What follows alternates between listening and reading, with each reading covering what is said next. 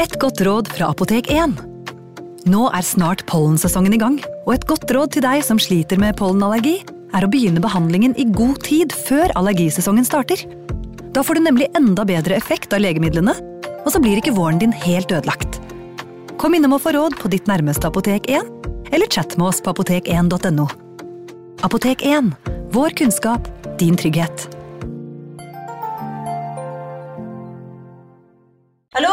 Jeg kommer fra Oslo politikammer. Ine Jansen er purk. Er du purk? The motherfucking bitch. Alt jeg vil, er å finne ut hva som skjedde med mannen min. Jon Carew. Er jeg sikta for noe? Iben Akeli. Det er du. Ole So, Lars Berrum og Big Daddy Karsten. Hvem sin side er du på, egentlig? Anette Hoff, Tone Danielsen, Kommer du fra Afrika? Jørnis Josef, Nesten. Kløfta. Trond Espen Seim, Det er synd å si det, men det var feil mann som døde. Purk. Premiere tirsdag på TV2 Play. Advarsel. I denne podkasten vil du høre historier basert på informasjon programlederne har funnet selv. Programlederne står ikke nødvendigvis inne for meninger og syn som fremstilles. Noen påstander kan avvike fra virkeligheten.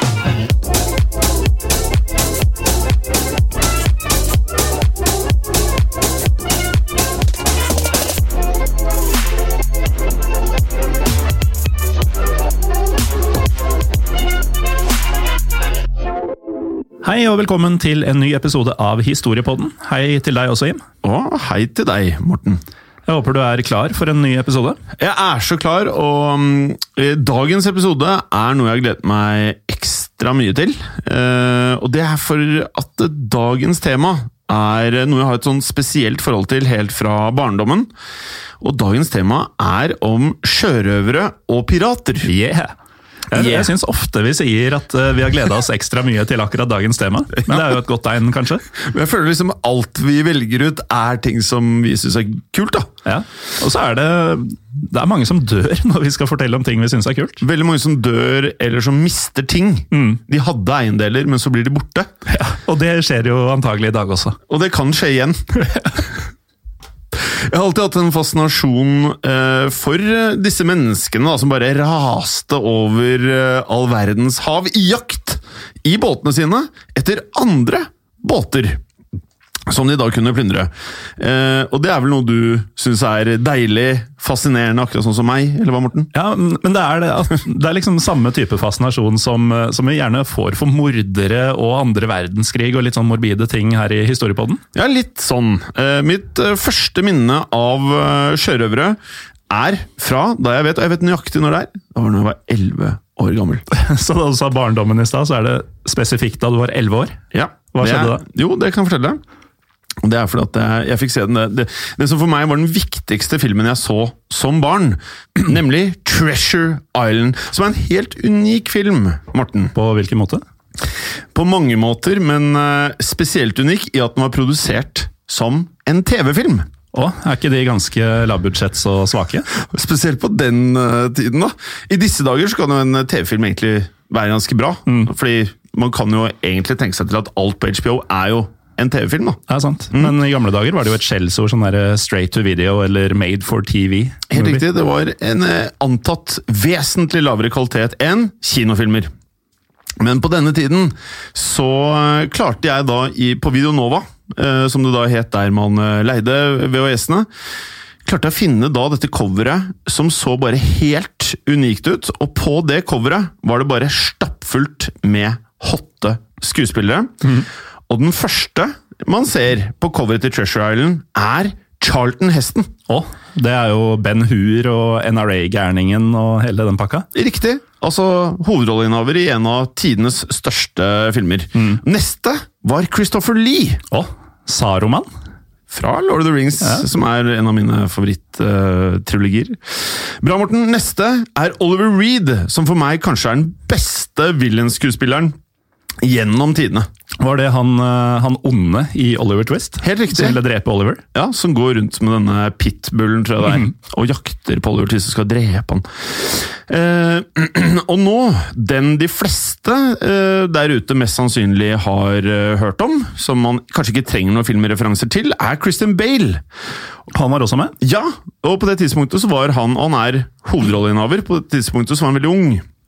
Som man kanskje kan skjønne. Filmen kom i 1990, eh, så han var eh, ja, liten guttekvelp. Eh, men for en fremføring han hadde, og man kunne se allerede der at dette var en stor skuespiller in the making. Så denne fantastiske sjørøverfilmen satt sjørøvere der oppe med mafia for meg. Med gangstere og andre onde mennesker som man ufrivillig romantiserer. da. Men dette er da en gammel uh, Treasure Island, for det fins vel en, uh, en, annen Treasure Island også, som er nyere? Ja, det er helt riktig. Den fra 2012. Ja, Uten Charlton Heston. og uten Kristen Bale og alle de andre. Og den har jeg sett.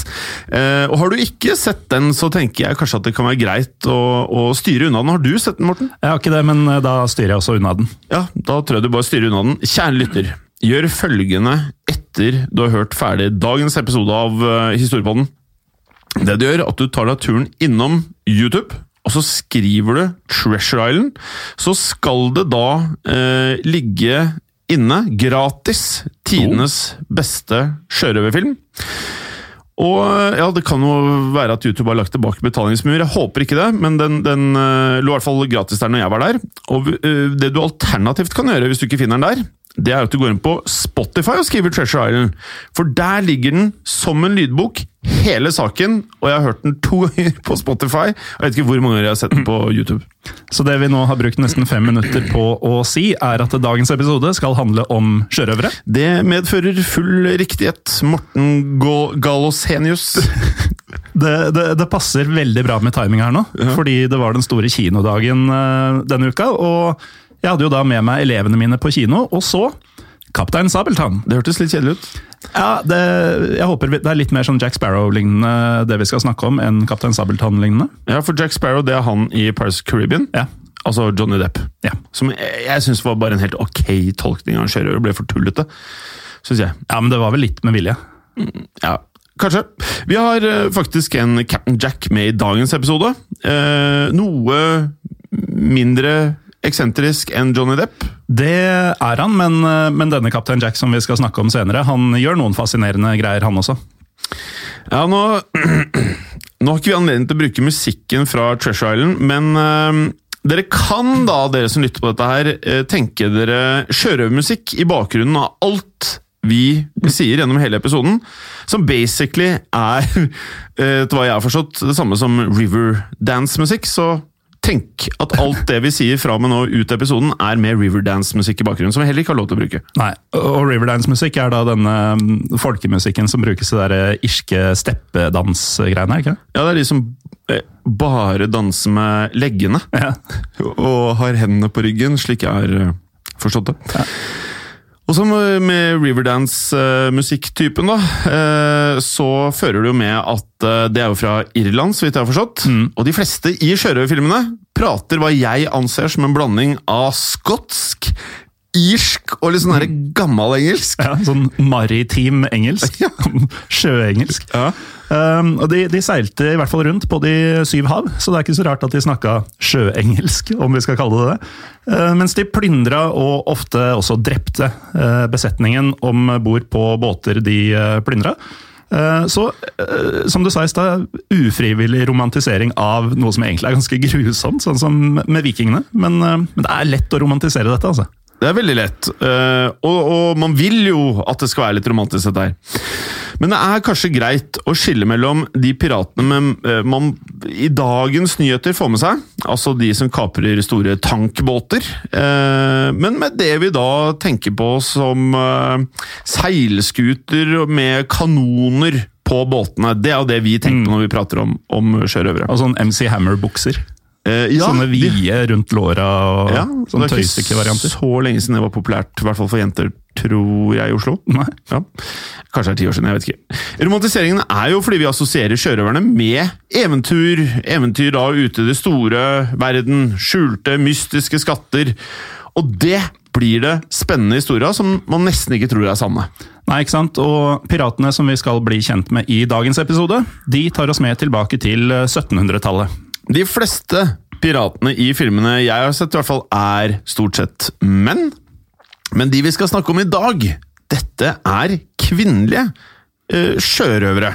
Mm. Uh, og da i flertall, for vi skal snakke om to renommerte sjørøvere, altså Mary Reed og Anne Bonny. Og Grunnen til at vi kombinerer disse to i én episode, er at de levde samtidig, og at de faktisk også tilbrakte en del av livene sine sammen på samme skute. Også litt av livene sine uten at de var på samme skute òg, da. Ja. La oss begynne med historien om Mary Reed. Som dere lyttere da vet fra tidligere episoder hvor vi reiser et stykke tilbake i tid, så er det ikke alltid at vi klarer å finne årstallene for når folk ble født, men heller anslag av hvilke tiår de, de kom til verden. da. Man antar at med Mary Reed så ble hun født et sted mellom 1685 og 1695 en gang. Det er bagateller. Småting. Den første delen av livet hennes er eh, altså, så vidt vi har forstått, bare dokumentert i én bok, som er fra 1724, som er nok vel litt meget omdiskutert til at vi kan si at alt her er fakta. Eh, og hvorvidt man skal bruke det som en legitim kilde, så er det det eneste vi har. Ja, Da må det jo være greit. Ja, og eh, alt vi da refererer til som første del av livet til Mary Reed, kommer altså fra boken som heter A General, A General History of the Robberies and Murders of the Most Notorious Pirates. Det, var det den britiske aksenten din? Det var en som sendte meg DM her om dagen og syntes jeg var helt utrolig dårlig til å prate skotsk. Så jeg tenkte da kan jeg i hvert fall prøve med engelsk-britisk. Ja, Litt sånn sjøbritisk, eh, kanskje? Jeg tipper jeg får DM for det her. også, Ja, det tror jeg fort. altså. ja, han er nok sint. Eh, Jeg har ikke fått noe for eh, svensken min i forrige episode. Å nei, sier du det? Så den var nok spot on. Ja, det var bra. Men ifølge denne boka, da, som du eh, prøvde å uttale, Ja. så var eh, Marys mor eh, gift med en eh, sjømann som hun fikk en eh, sønn med. Og denne sjømannen forlot Marys mor eh, senere. Og etter det så hadde denne moren en affære med en annen mann. Og de fikk en datter sammen, og denne datteren var altså Mary. Og ikke lenge etter Marys fødsel døde hennes eldre halvbror. Og ikke bare var det en tung periode for moren til Mary, det å da miste sin eneste sønn, men det bar også økonomiske konsekvenser for familien, ettersom verken Mary eller moren nå fikk noe økonomisk støtte av broren til Mary. Marys mor trengte derfor en ny metode å få penger på! Det hun gjorde, var da å kle Mary i gutteklær. Ja vel? Ja, for hun ønsket å late som hun var sønnen til sønnen sin. Altså med andre ord, eh, hun ønsket at Mary skulle være sønnen til broren til Mary. Altså sønnen til den avdøde sønnen? Helt riktig. Ja. Og dette var da fordi svigermoren til broren til Mary, eh, denne avdøde broren, hadde sagt seg villig til å støtte barnebarnet sitt. Så dermed så lurte Mary og moren denne svigermoren til å tro at Mary var sønnen til broren sin for å få penger. Ja, Ikke noe særlig forvirrende, men det var jo også en litt forvirrende greie, dette her. Eh, Så litt svindel i ung alder for Mary her. Eh, Og det er jo et fint sted å starte en kriminell karriere, som da med hvitsnippkriminalitet. Denne, denne svindelen medførte da at Mary tilbrakte barndommen i gutteklær. og jeg, lurer egentlig, Tror du svigermoren noensinne fant ut at hun hadde blitt lurt? Nei, Jeg tror ikke det. skjønner du, for eh, vi, vi, har, vi har ikke spotta noe sted at det står noe om det.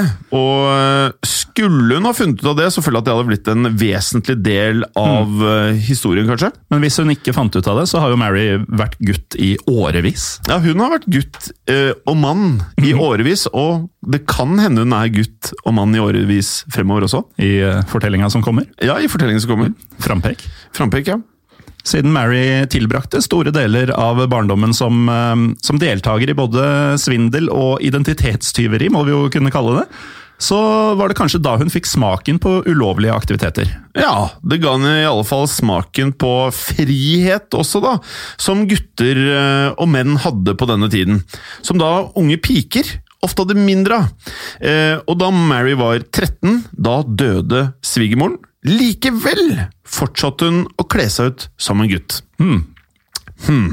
Som tenåring rømte hun og ble med på en, eh, et britisk militærskip, og måtte fortsette svindelen for å få være med på skuta. Ja. Så her skjønner man da at eh, det ble bare egentlig en videreføring av det at hun ikke kunne ha rettigheter som ung pike. Ja, og Hun hadde jo da trent på å passere som gutt eh, gjennom hele barndommen, så Ja. hun var sikkert ganske troverdig. Ja, jeg vil tro at hun var veldig god på å være gutt. Um, hun valgte selvfølgelig da et guttenavn også, og Mary ble til Mark. Altså Mark Reed. Ja, Og Mary, eller nå Mark, var jo sulten på eventyr. Så Veldig hun, sulten. Hun ble med dette skipet til Flandern i Belgia. Eh, Og deretter så begynte hun å tjenestegjøre i militæret der. Ja, og det var her kjærligheten til Mark eller Mary skulle dukke opp og også blomstre. Eh, I militæret møtte nemlig Mary en annen soldat som hun forelsket seg i. Hun avslørte hemmeligheten sin for ham, og de inngikk i et forhold som endte med at de da giftet seg.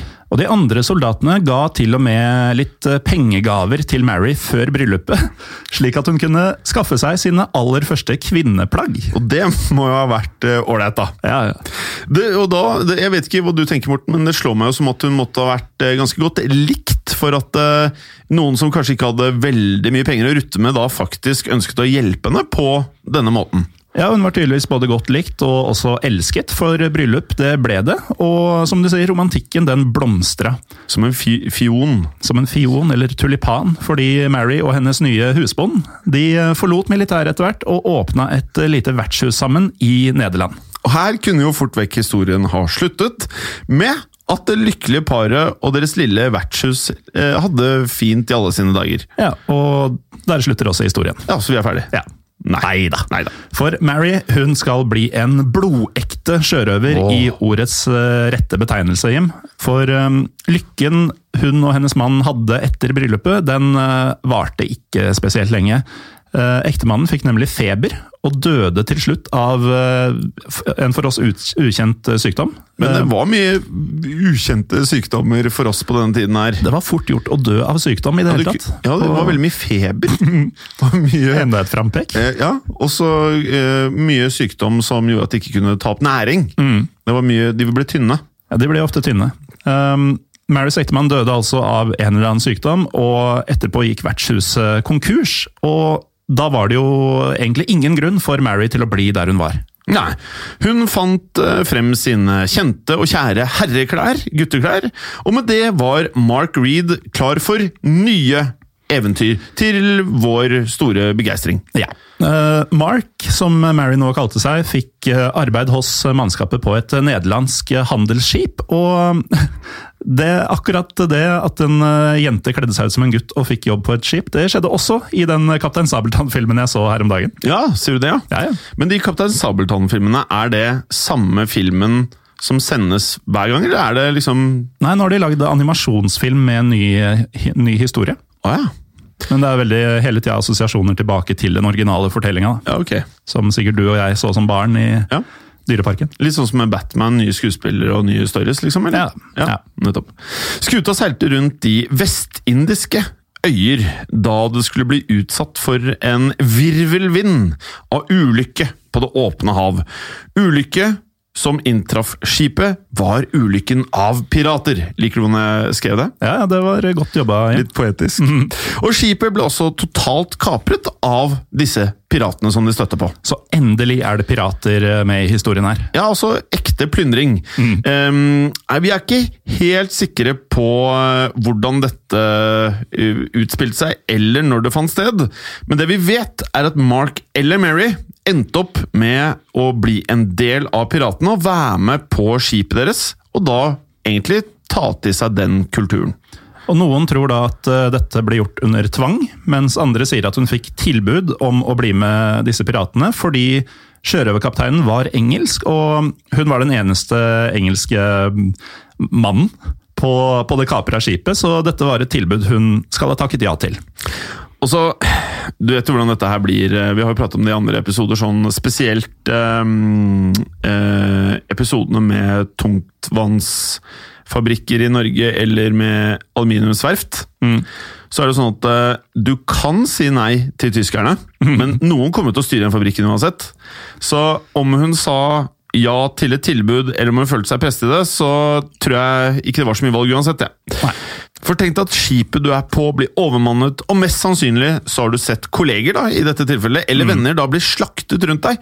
Så veien eh, føles jo da kort til at du velger å leve, og at du blir en del av fienden. Hun endte i alle fall opp som sjørøver og pirat, og kan legge til at uh, dette skjer jo da midt i uh, en historisk periode som refereres til som The Golden Age of Piracy.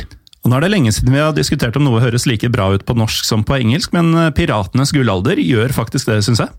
Jeg syns den egentlig topper det engelske her. Ja, ikke sant? Gullalder, veldig pent. Mm. Og det er jo ganske bokstavelig også, siden de skaffa seg så mye gull. Jeg syns det høres enda fetere ut hvis det blir sjørøvernes gullalder. Mm. Da ja. sier vi det fra nå av. Ja. Eh, Denne sjørøvernes gullalder starter rundt eh, 1650 og slutter ca. år eh, 1720.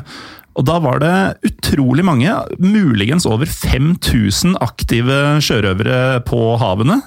Og sjørøvere de har egentlig alltid finnes, så lenge det har vært båter.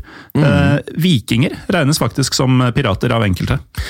Det er jo en rar eh, tanke, men det gir jo mening ettersom likhetstrekkene her er jo faktisk mange mellom de piratene vi prater om og vikingene. For vikingene seilte, de herjet, de plyndret, og de stjal. Og en sjørøver er vel egentlig ikke noe mer enn noen som er villig til å rane andre transportskip på havet, så sjørøvere har, eh, har det vært i alle tider. Men mye av bildet vi har av sjørøvere i dag, er jo da inspirert av filmer og bøker som er satt til denne gullalderen. Ja, eh, og det som kan være litt greit da, når vi prater om denne gullalderen Det første jeg i hvert fall slo opp, hva som egentlig gjorde at dette ble kalt for gullalderen. Ja, Det starter faktisk eh, med en annen kjent person, eh, Christopher Columbus. Ja, Som oppdaget Amerika i 1492. Korrekt. Eh, På den tiden så jobbet jo han for den spanske kongen, og det betydde at eh, mange av områdene han oppdaga ble erklært eh, spanske.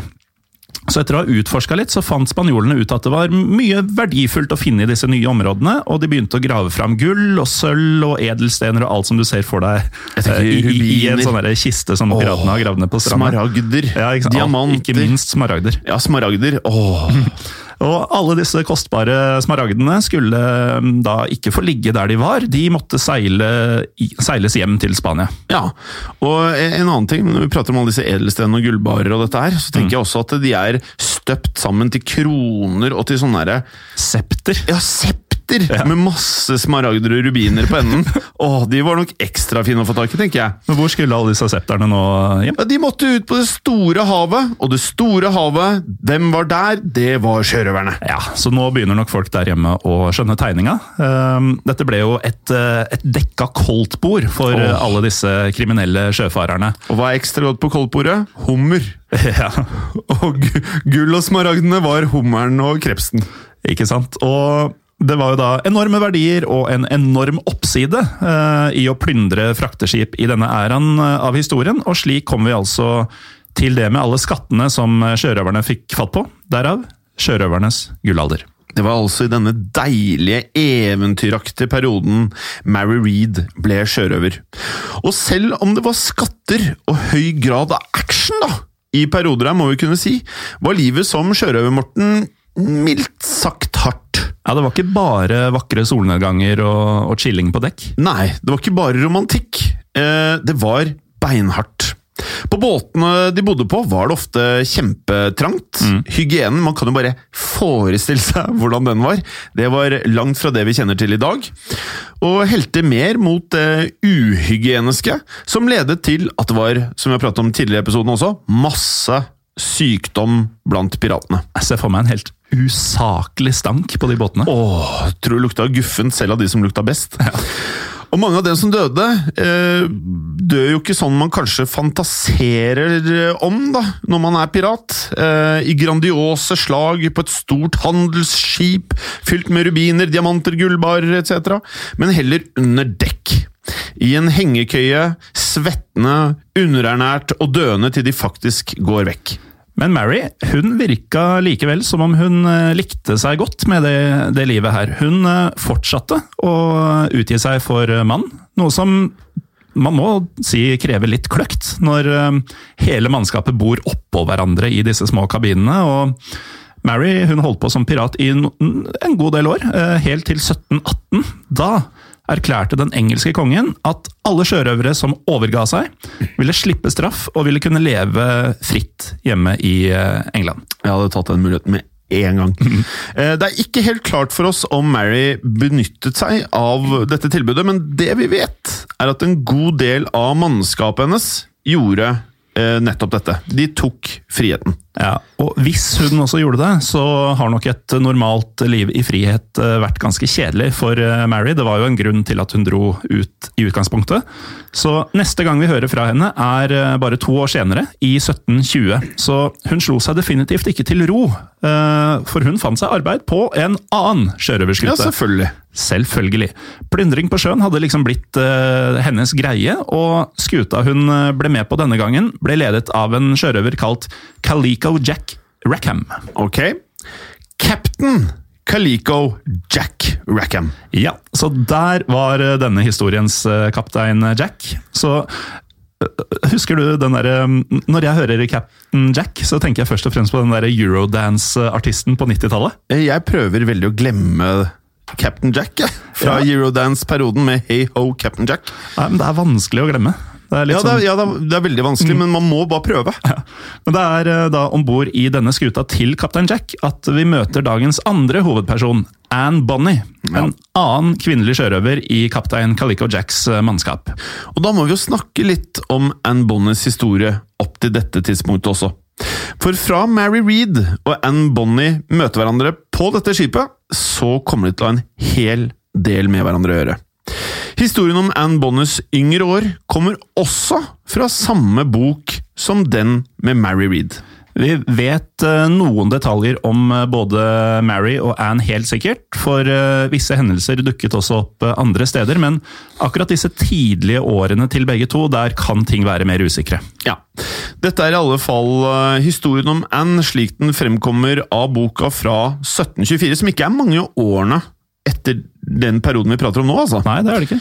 Eh, Anne Bonny ble født i Irland rundt ja, 1698 en gang. Også hun ble født utenfor ekteskap, som vi har forstått med arbeidet med historiepodden, at eh, det, det har skjedd en del opp gjennom åra. Og det kan skje igjen. Ja, det kan skje igjen. Hennes far var en irsk advokat ved navn William Cormack, som fikk Anne med en av tjenestepikene som jobbet for ham. Dette utroskapet forble ikke en hemmelighet for Williams kone særlig lenge, og de ble til slutt separerte. Anne endte opp med faren sin, som bestemte seg for å bo sammen med moren hennes, altså tjenestepiken.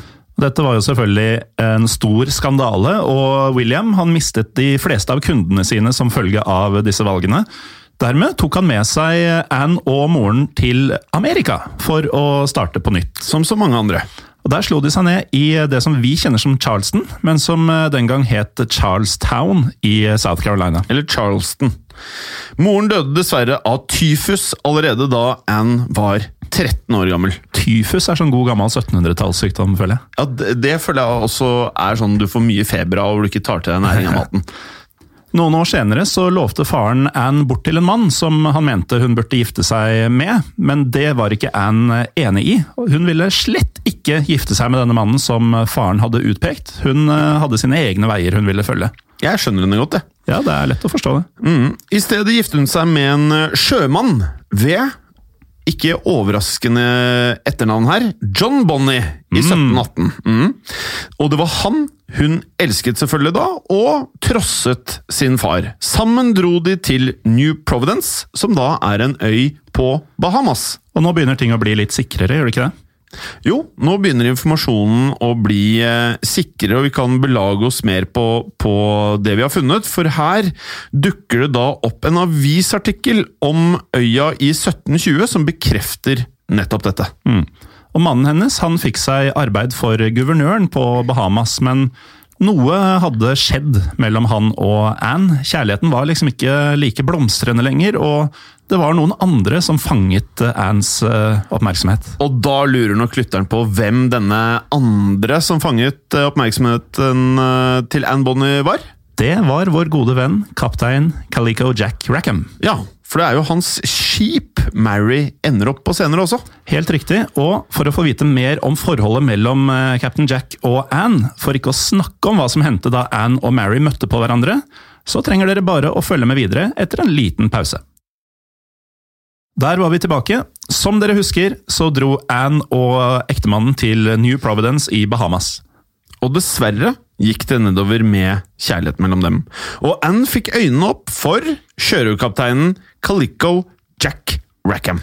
Kaptein Jack han ble da Annes elsker og ville ta henne med seg. På den tiden så ble det jo ansett som ulykke å, å ha kvinner om bord på skip, men i motsetning til kaptein Sabeltann, så brydde ikke Rackham seg om det. Nei.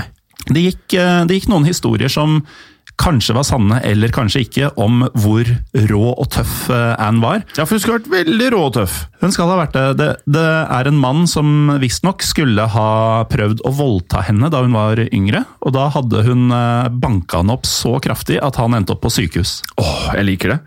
Så man kødder ikke med Anne Bonnie. Anne Bonny kunne passe på seg selv, og denne evnen til å jule opp folk den kommer jo godt med når man er pirat og skal plyndre og herje. Jeg føler kanskje er noe av det viktigste. Ja, det tror jeg også. Uh, og kanskje var det en av grunnene til at uh, Rackham likte henne. Han ville altså ta Anne med seg, men han ville gjøre det på en ordentlig måte. Ordentlig i den forstand at Captain Jack tilbød Annes mann betaling for å skille seg fra henne. Det høres ikke bra ut sånn ved første øyekast. Nei, det er litt annerledes enn i dag, da. Som kan tyde på at det ikke var slik at kvinner selv kunne initiere en, ja, det vi kaller i dag en skilsmisse på den tiden. Nei, Det må ha vært noe sånt. Det var faktisk vanlig på den tiden at elskeren betalte kvinnens ektemann en slags bestikkelse for at han skulle ta ut skilsmisse. Vanlig, det betyr jo at det var vanlig å i det hele tatt ha elskere, da. Og at man deretter trosset betegnelsen elsker til at man forelsket seg i elskeren. Nok til at man forlater den man har troskap til. Skjønte du det Du er veldig poetisk i dag. Ja, i dag er jeg litt poetisk. Jeg har faktisk da skrevet det om rett før innspillingen for at det skulle høres akkurat sånn ut som dette er. Men sikkert vanskeligere å forstå når man hører det. Ja, men Da kan folk høre en gang til. Ja, Da kan man spole tilbake for sånn 15 sekunder tilbake, så kan man høre på nytt. Dette kunne gi anledninger også lede til koneauksjoner, Morten. At man auksjonerte bort damer. Ja, for på denne tiden var man mer opptatt av praktikaliteter enn moral og rettigheter. Det er mye som tyder på det, i hvert fall. Ja, Det, det lukter litt av det. altså. Og ettersom det på denne tiden var eh, temmelig dyrt, og kanskje ordet kronglete faller eh, fort inn her eh, når man prater om skilsmisser sånn formelt, da. Så det oppsto derfor en tradisjon i spesielt England, der man på et vis solgte kona si til noen andre. Dersom man da hadde bestemt seg for at man da ikke ønsket å leve sammen lenger. Dette var mest av alt en måte å formalisere at man faktisk da gikk hver til sitt. Eh, Så skadet det nok heller ikke å få inn en liten slant penger til eh, whisky på hjørnet, men det var tanken at det var en eh, formell og fin måte å gå fra hverandre på. Alternativet var det at for kvinner på denne tiden var en enorm risiko for at hvis man da gikk fra mannen sin uten at man hadde foretatt en skilsmisse, så hadde da mannen rettigheter å komme med i etterkant av at kvinnen hadde fått seg ny mann, og man kunne kreve den nye mannen for penger. Så det blir jo et uh, søksmål for utroskap, da, hvis vi skal overføre til dagens eh, Men denne retten gikk jo da ikke den andre veien. For å gjøre det offentlig og noenlunde formelt i lokalsamfunnets øyne at paret ikke lenger var mann og kone, ble det derfor skapt koneauksjoner, som vi var inne på her, da. Man puttet et bånd om armen, nakken eller livet til kona.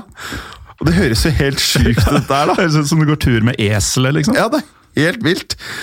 Og det man da gjorde, var at man leide inn kona inn på markedet eller en eller annen offentlig plass, da, og viste frem mm, kona. Ikke bare viste frem, men han erklærte da salget for alle innen hørevidde. At han roper ut da kvinnens gode sider.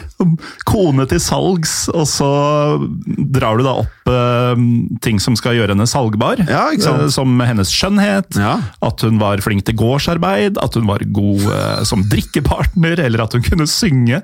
Altså alt mulig som, som hun kanskje var god til. Da. Så var tradisjonen at eh, andre menn da kunne by på henne. En god drikkepartner! Det skal jeg faktisk dytte inn på Tinder-profilen min. At jeg søker god drikkepartner og en dame som kan synge. Ja, og hvis, du, hvis hun i tillegg er god på gårdsarbeid, så, så får du deg nok kjæreste i en fei. Ja, Det høres ut som et smart trekk fra min sin side. Som oftest var det bare et symbolsk eh, event, dette her. Altså en symbolsk auksjon. Så den eneste som bød, som oftest, var jo da konas nye elsker. Og med det så fører det jo med at han da som regel vant auksjonen, og vant denne kona. Og det var da gjort klart for offentligheten at kona og hennes opprinnelige mann ikke lenger var gift. Dermed sa ektemannen på et vis da fra seg retten til å kunne saksøke andre menn som kona inngikk i et forhold med. Dette gjorde det derfor tryggere for kvinnen, som kunne leve friere og inngå et forhold med den hun da ville. Så auksjonen var da skapt for å ha et visst handlingsforløp, så det skulle virke så formelt og bindende som, eh, som mulig. Det er veldig godt beskrevet, Morten. I lokalsamfunnets øyne ble da dette en skilsmisse å betrakte, selv om det ikke var det i nødvendigvis i lovens øyne. Er, det er fortsatt, altså selv er etter denne, kaos. etter den forklaringa her, det er, det er fortsatt litt rart å skulle auksjonere bort et annet menneske. Det er veldig rart, men eh, som regel var kvinnene relativt ok med saken, virker det som i hvert fall. Ofte satte både ektemannen, kona og den heldige auksjonsvinneren seg ned og tok en vennlig øl eller whisky sammen etterpå, som eh, et takk for laget. Det er, det er greit bisart. Ja, det er, det er eh, andre tider dette, Morten. Ja. Det kan skje igjen.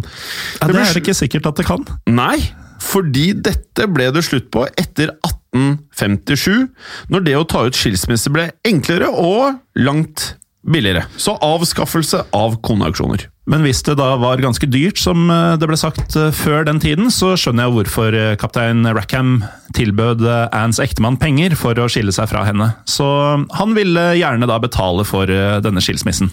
Han sa imidlertid nei. Herr Bonnie ville ikke gi slipp på Anne. Men Anne var helt klar for å gi slipp på herr Bonnie, så hun rømte rett og slett. Og hun var jo da av den eventyrlystne sorten, og ble da med kaptein Jack Rackham. De stjal faktisk et skip som het eh, William, og Anne ble da en del av mannskapet.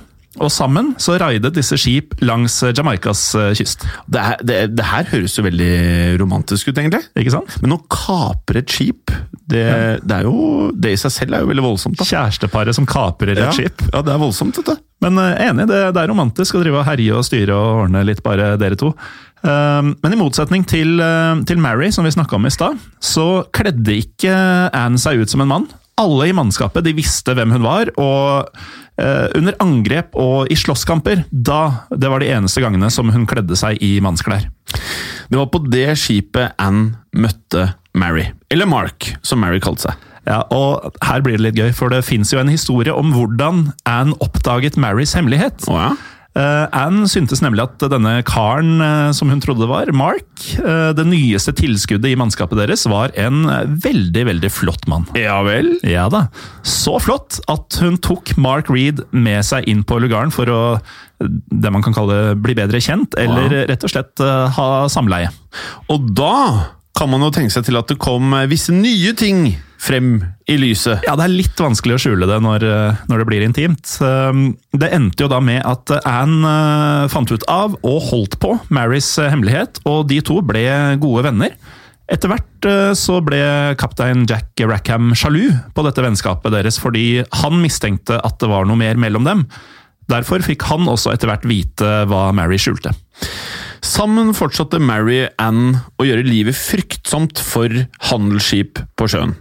De var visstnok eh, nådeløse i måten de kriget på, og de skal ha vært eh, voldsomme til å eh, banne. Ja, men det er, sånn, det er så sjørøver. altså Sånn ramsalt språkbruk. Ja, gjerne litt sånn at de høres fulle ut også Ja. mens de banner, til, en, til ethvert klokkeslett. Sånn sint, full banning. Ja, Og oppfinnsom, ikke minst. ja, ja. Um, men um, det var jo mye amore uh, tydeligvis i disse kretsene, for på et uh, tidspunkt så ble Mary forelsket i en tømrer som var om bord her. Men hun, hun eh, virker som forelsker seg fort, kanskje, eller? Jeg syns det er mye, mye kjærlighet i livene til disse. Mye flyktige romanser. Ja, det går fort. Og, ja, og fort og lidenskapelig. Ja. Uh, men en annen pirat han utfordret da denne tømreren til en duell. Og det betyr jo da at tømreren står i fare for å dø.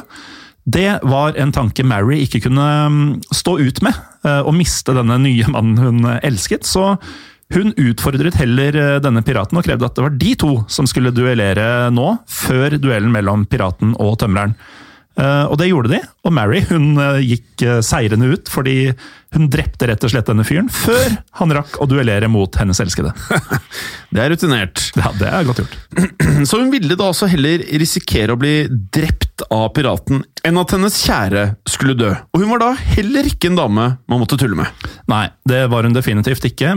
Snart så erklærte Bahamas eh, guvernør disse som fiender av eh, Storbritannia. Og han nevnte til og med spesifikt både Mary Reed og Anne Bonny, altså våre to hovedpersoner. Um, denne erklæringen den fikk ting til å skje, og en mann som het Jonathan Barnett, han ble sendt etter, eh, etter dem med både skip og mannskap. og Til slutt så fant han dette stjålne skipet deres, og der fikk han en, en gledelig overraskelse.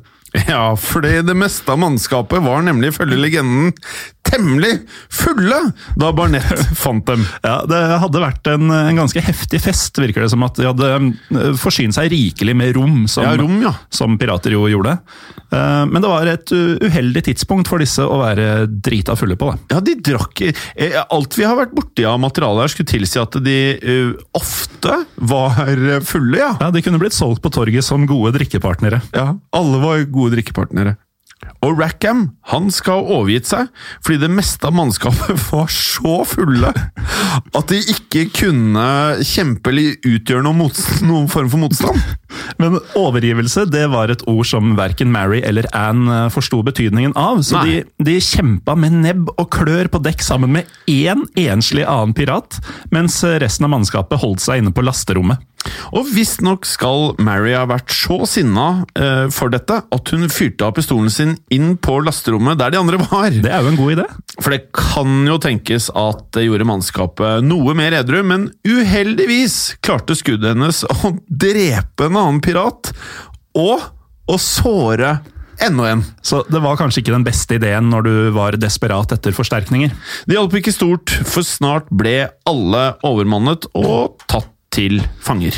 Og alle piratene fra Rackhams skip ble sendt til Jamaica, der de måtte møte for retten. Og vet du hva straffen var for eh, sjørøveri på den tida, Jim? Jeg tenker fengsel for livet. Nei da, det var, eh, det var rett til galgen. Det kunne jeg også tenkt meg til. Um, I november 1720 ble derfor hele mannskapet fra det stjålne skipet William hengt, utenom Anne og Mary. Og hvorfor ble ikke de hengt? De ble jo egentlig dømt til å henge i galgen, de også, men det har seg slik at de gjorde det som kalles eh, pleading the belly. Som rett og slett betyr at begge to var gravide. Smart. Ja, eh, På den tiden så fantes det nemlig en lov som sa at gravide kvinner de kunne ikke bli henrettet før etter at de hadde født, fordi barna i magen naturligvis var uskyldige ofre. Hvis lytterne nå tenker at det virker litt mistenkelig, at det var litt for god timing at de tilfeldigvis var gravide begge to på dette tidspunktet, så tenkte vi også på akkurat dette, selvfølgelig. Det er lett å tenke i de baner. Ja, det er lett. Men man kunne ikke bare si at man var gravid, for dokumenter viser at det ble beordret en medisinsk undersøkelse av begge kvinnene. Videre vet vi at de ikke ble hengt rett etter rettssaken, altså må legene ha slått fast at de faktisk var gravide, både Mary og Anne. Dermed ble begge damene satt i fengsel i påvente av fødselen og påfølgende henging, som eh, fortsatt var en del av pakka. Men det skulle vise seg at de aldri kom seg til galgen. I april 1721 fikk Mary nemlig feber. Og døde. Som, som han gjorde av feber på den tiden. Ja. Den kjempende sjørøveren som elsket det frie livet hun fikk av mannsklær, måtte gi tapt. Og Da er det jo spennende å høre hva som skjedde med Anne Bonny. Ja, Det kan faktisk hende at hun unnslapp eh, helt. For noen historikere de tror at eh, hennes far, som jo var en mann med status, fikk henne satt fri fra fengselet. Så skal hun da ha dratt tilbake til Charlestown, det vi kjenner som Charleston, giftet seg igjen og fått barn. Og der bodde hun til hun døde. Jeg liker den slutten, jeg. Ikke så actionfylt nødvendigvis, men koseligere enn å da dø av feber, som de fleste gjorde på den tiden. Ja, også i et fengsel, da. Ja, i et fengsel. Eh, Det jeg tenker på, er jo at det kan hende at det fins etterkommere av Anne Bonny et sted ute i dag, ettersom hun faktisk fikk barn. og hvis du først driver med noe så døvt som eh, slektsforskning, så er det jo ganske fett å finne pirater på familietreet. Da tenker jeg man blir veldig stolt hvis man finner ut av det. Ja, hvis du er anlagt til å bli stolt av eh, blodtørst og eh, promiskuøsitet, som det heter. Men jeg har en liten uh, siste fun fact her. Uh, før i tiden så ble det sagt at kvinnelige pirater noen ganger kjempet til deres fiende lå beseiret foran dem. Så, rett før nådestøtet, så ville hun rive opp skjorta si oh, ja. for å vise fram ett eller begge brystene oh. til motstanderen. Altså flashe motstanderen. Det er ikke det verste som kan skje når du først har tapt. Nei, men deretter så ble du drept. Å ja. Så du ble flasha, og så ble du drept. Uh, og dette skulle visstnok være for å vise motstanderen at det var en kvinne som hadde beseira han. En øvelse dere kan gjøre der hjemme, er å google Mary Reed, eller DuckDuckGoet Mary Reed, hvis det er søkemotoren du bruker.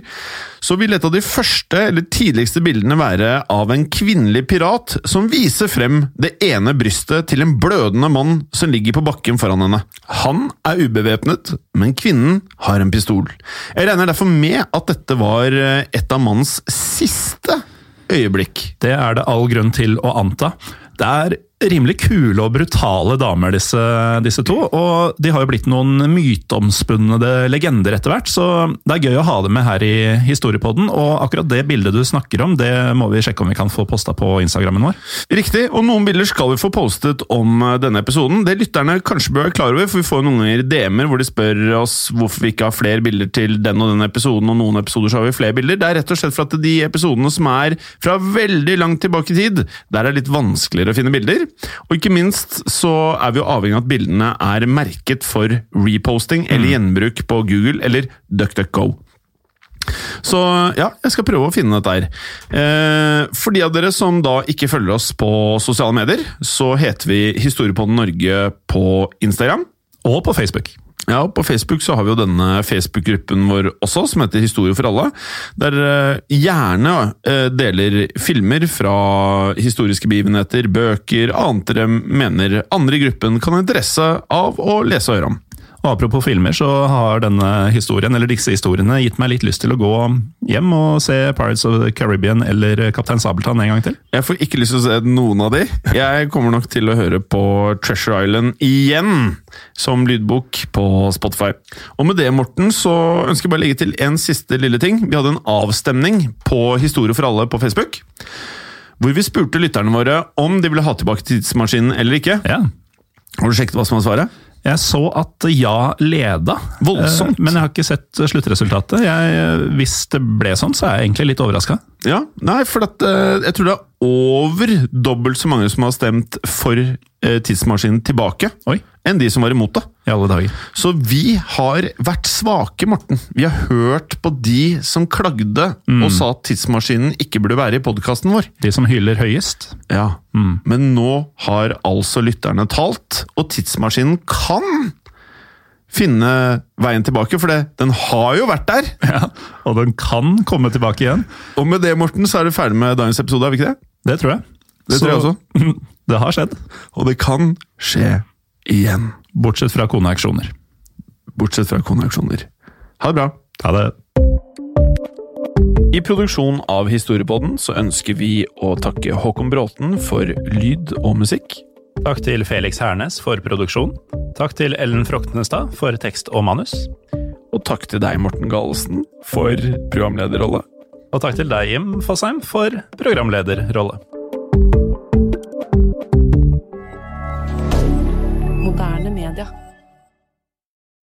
Har du et enkeltpersonforetak eller en liten bedrift? Da er du sikkert lei av å høre meg snakke om hvor enkelt det er med kvitteringer og bilag i fiken, så vi eh, gir oss her, vi. Fordi vi liker enkelt. Fiken superenkelt regnskap. Hei, og takk for at du lytter til Historiepodden. Skulle du ønske at du kunne høre en ny episode av Historiepodden hver eneste uke? Vel, da er det én ting å gjøre. Da kan du laste ned podkastappen Untold med det samme. For i tillegg til ukentlige episoder av podkaster som Historiepodden andre verdenskrig, Henrettelsespodden og også Gangsterpodden, så får du masse annet reklamefritt og også eksklusivt innhold. Last ned Untold i AppStore eller Google Play og start din 30 dagers gratis prøveperiode allerede i dag.